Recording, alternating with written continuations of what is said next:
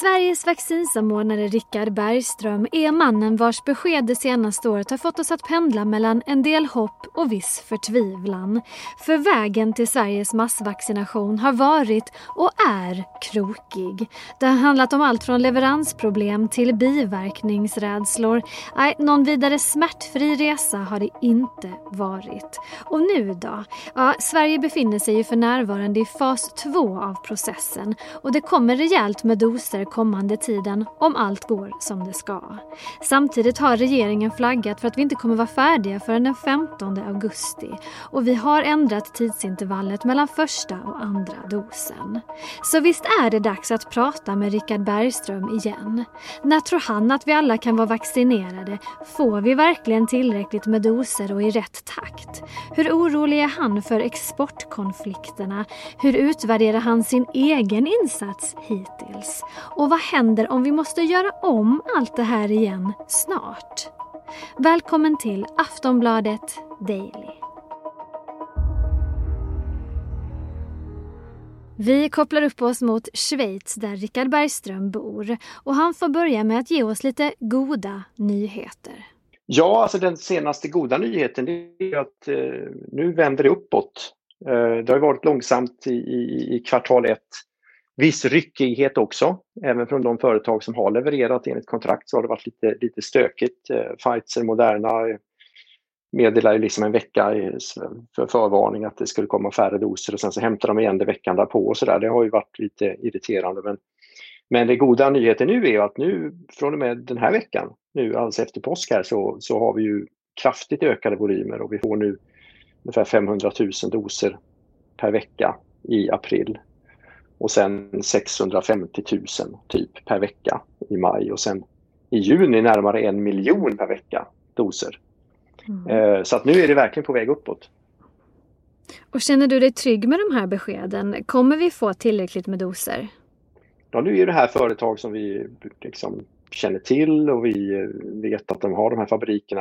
Jag har till och med kollegor som har varit där och tittat och godkänt de här anläggningarna. Så att, så att alla de här, nu är det framförallt tre vaccin vi pratar om här, Pfizer, Moderna och AstraZeneca. Och även om AstraZeneca levererar mindre än vad de hade hoppats göra i kontraktet så är det ändå så att det är relativt stabilt. Så att just de här, de här känns, tycker jag känns väldigt tillförlitliga. Och så får vi Janssen sen också då, Johnson Johnson, i, framförallt i juni. Och det är ju ett väldigt etablerat företag så att där har jag ganska stor tilltro till, till dem också.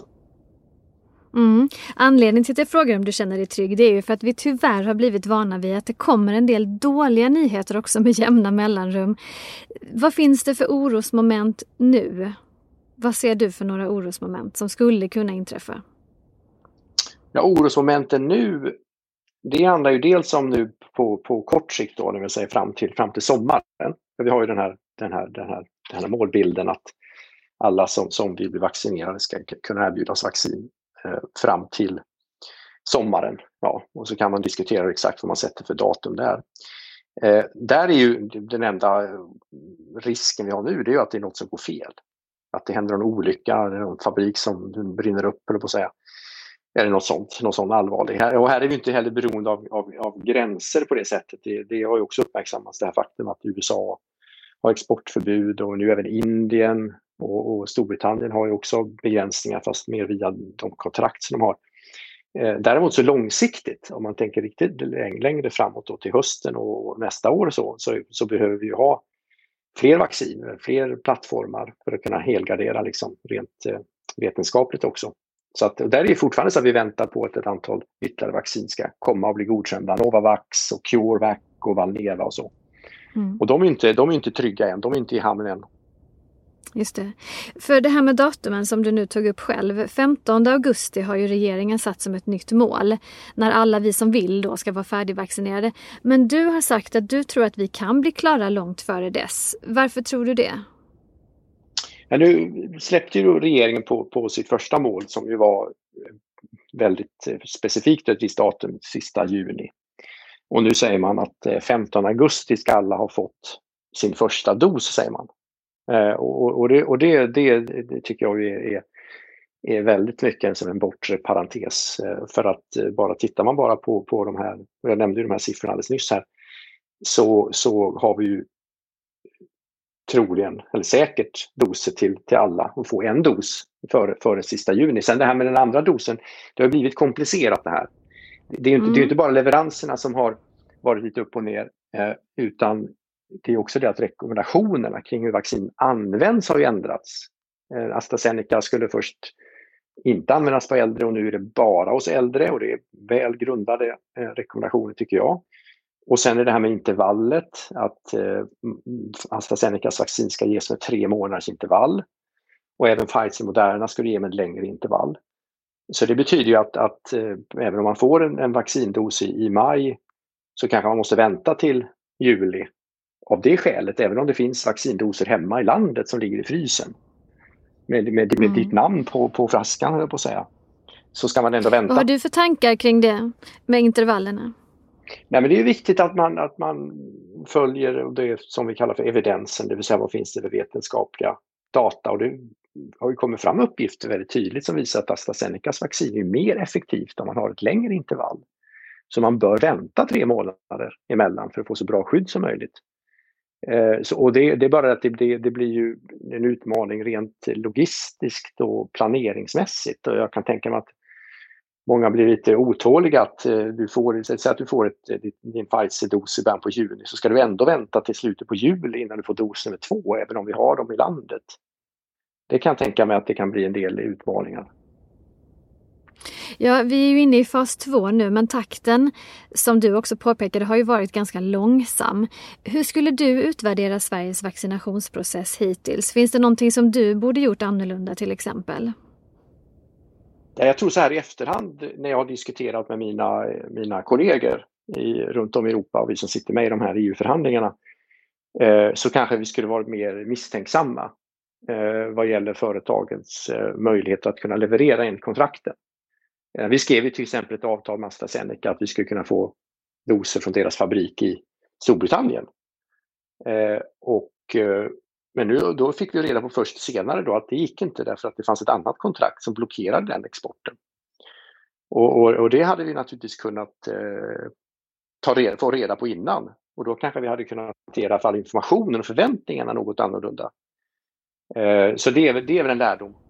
Finns det något rättsligt man kan göra när det gäller vaccinföretagen som underlevererar? Alltså hur ser avtalen ut vad gäller det? Nej, men det är ju, du, kan ju, du kan ju häva kontraktet och säga mm. att nu vill vi inte ha några mer doser, men det vill vi inte säga för AstraZenecas vaccin är ju det är väldigt bra. Jag menar, det ser vi ju mer och mer nu. Det kommer ju data hela tiden som visar på hur bra det är i, också i den, i den kliniska verkligheten. Så det vore ju, det vore ju kontraproduktivt att, att häva avtalet. Men det, det har ju inletts nu alltså en, en ja, rättslig process. Det, det, har ju börjat liksom en diskussion med, med AstraZeneca om Eh, kompensation. För menar, de levererar bara en tredjedel då under första halvåret jämfört med vad de skulle ha lovat, eller vad de hade lovat.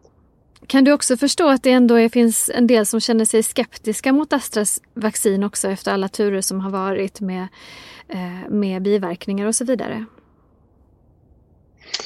Ja, nej men jag, jag noterar det och jag, jag hör det och det är, det är, inte bara i Sverige utan det är på många ställen som, som det rapporteras om det. Och det, det är ju som, som jag och flera av mina kollegor har hört flera regionala vaccinsamordnare och även Folkhälsomyndigheten säga som jag säger, det vill säga att det här vaccinet har tyvärr fått lite oförtjänt dåligt eh, rykte. Va? Och, och, just det här med de ändrade rekommendationerna att först eh, var det bara till yngre och till, sen är det till de äldre.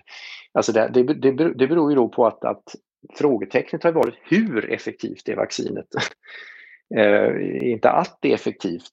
Eh, och, och det där är svårt att, att, kommunicera. Jag tror det kan vara svårt att förstå också för, för, för, för gemene man. Och sen att de har tillverkningsproblem, det är en helt annan sak. Det har ju ingenting liksom med effekt och säkerhet att göra, utan det är en helt annan sak. Men de har ju haft lite otur måste man säga, tyvärr, det här företaget. Men det är som sagt ett jättebra vaccin och jag ser fram emot att vi kommer få rätt mycket ändå här fram till, fram till eh, sommaren. Vi får totalt 2,5 miljon doser av AstraZenecas vaccin till Sverige. USA har trots tidigare besked meddelat att de kommer börja dela, av sig, dela med sig av vaccindoser till andra länder. Kommer det på något vis att påverka vår tidsplan? Eh, nej, det gör det inte. Alltså, USA har ju eh, fram tills nu då inte tillåtit någon export. Nu kommer de att tillåta en viss export av AstraZenecas vaccin till Kanada och Mexiko. Eh, de två länderna har ju för övrigt fått alla sina vaccin från Europa fram till nu. Eh, både Moderna-vaccinet och eh, Pfizers vaccin. Och, nej, det, det, det, det, påverkar inte oss. Och även vi i Europa kommer ju att kunna dela med oss så småningom. Vi har ju enorma överskott här, en överkapacitet från juli, augusti och framåt och då kommer vi kunna dela med oss till hela världen. Det har ju förekommit en del exportkonflikter också kan man ju säga. EU har till exempel stoppat exporten av Astras vaccin nu. Är du orolig på något vis för att det kommer att utveckla sig till ett handelskrig länder emellan vad gäller vaccinen? Ja, alltså jag tycker att det här är otroligt olustigt. Ehm, ehm, även både jag och många i Sverige och Sveriges regering tycker att det här med exportrestriktioner är på något sätt fel. Det känns ju helt eh, förlegat. Eh, sånt höll vi på med för 20-30 år sedan. Men nu har vi ju globala flöden och en öppen världsekonomi. Eh, nu att, att vi stoppar exporten av AstraZenecas vaccin det är ju ganska logiskt dock därför att eh, om de inte kan leverera enligt sitt kontrakt så borde de ju inte få sälja till andra länder. Men däremot att gå längre som vissa har föreslagit, det finns ju vissa europeiska eh, statsministrar som har varit ute och sagt att vi borde stoppa all export av vaccin. Eh, till exempel Pfizer då, som exporterar för fullt eh, ut från Europa. Det tycker jag borde gå, verkligen gå för långt och då skulle man kunna hamna i det du kallar för handelskrig. Att vi trappar upp och så trappar de upp och så vidare och det kan eskalera och bli riktigt olustigt. Mm. Sen är det ju en fråga som vi inte pratar sådär jättemycket om och det är ju vad händer om vi måste göra om det här igen ganska snart? Alltså hela stora apparaten när vaccineffekten så småningom försvinner. Hur förbereder vi oss där? Är du inkopplad på det, i det liksom på något sätt? Ja, det har varit eh, stort fokus på det nu sista tiden. Nu har ju sista, senaste veckorna här har handlat väldigt mycket om de här handelskonflikterna och exportrestriktioner och en del fördelningsfrågor inom EU också. Men annars har det varit det stora temat för, för mig och mina kollegor.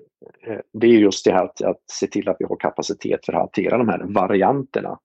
Vi pratar om mutationer och mutationerna liksom, de läggs på varandra så att säga och så får du olika varianter. Eh, och det är de här varianterna som, som vi måste kunna hantera och eh, nu har vi en enorm kapacitet i, i Europa, i synnerhet för de här så kallade mRNA-vaccinen, det vill säga det som Pfizer och Moderna har och även CureVac senare. Där har vi en jättekapacitet. Vi har ju då, om man tittar från sommaren och framåt, när vi liksom är klara med vår, vår första omgång här, då har vi under nästa 12 månaderna eh, så har vi kapacitet för en miljard doser eh, till EU av, av uppdaterade vaccin.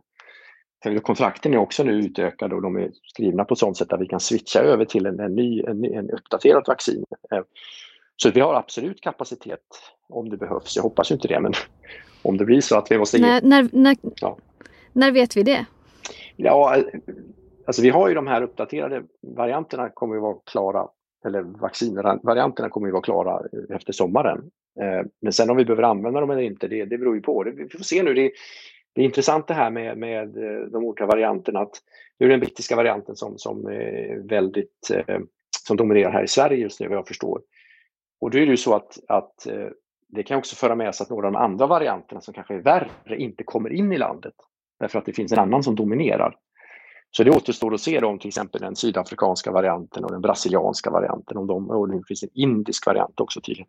Om de ens kommer hit, det vet vi inte. Eh, men vi måste verkligen planera för det värsta här och, och som du hör så har vi en jättekapacitet. Europa har en enorm kapacitet för tillverkning och det, det blir sannolikt så att det blir någon form av återkommande eh, verksamhet här. Även utan varianter så som du antyder i din fråga så kan ju immuniteten klinga, klinga av. Eh, så att sannolikt kanske om ett år eller två år i alla fall så behöver man få en, en dos till. Det är då en dos och, och, och sannolikt då ett, ett sånt här mRNA-vaccin tror jag. Du har jobb så att det räcker och blir över helt enkelt framöver? Ja, alltså de som trodde att det här skulle vara en engångsaktivitet, liksom vi river av det här och så är det klart. Nej, så, så, så blev det inte utan det blir nu liksom en väldigt långsiktig verksamhet det här. Sist här hörde vi Rickard Bergström, Sveriges vaccinsamordnare. Jag heter Olivia Svensson och du har lyssnat på Aftonbladet Daily. Och vi hörs ju igen snart. Hej då! Du har lyssnat på en podcast från Aftonbladet. Ansvarig utgivare är Lena K Samuelsson.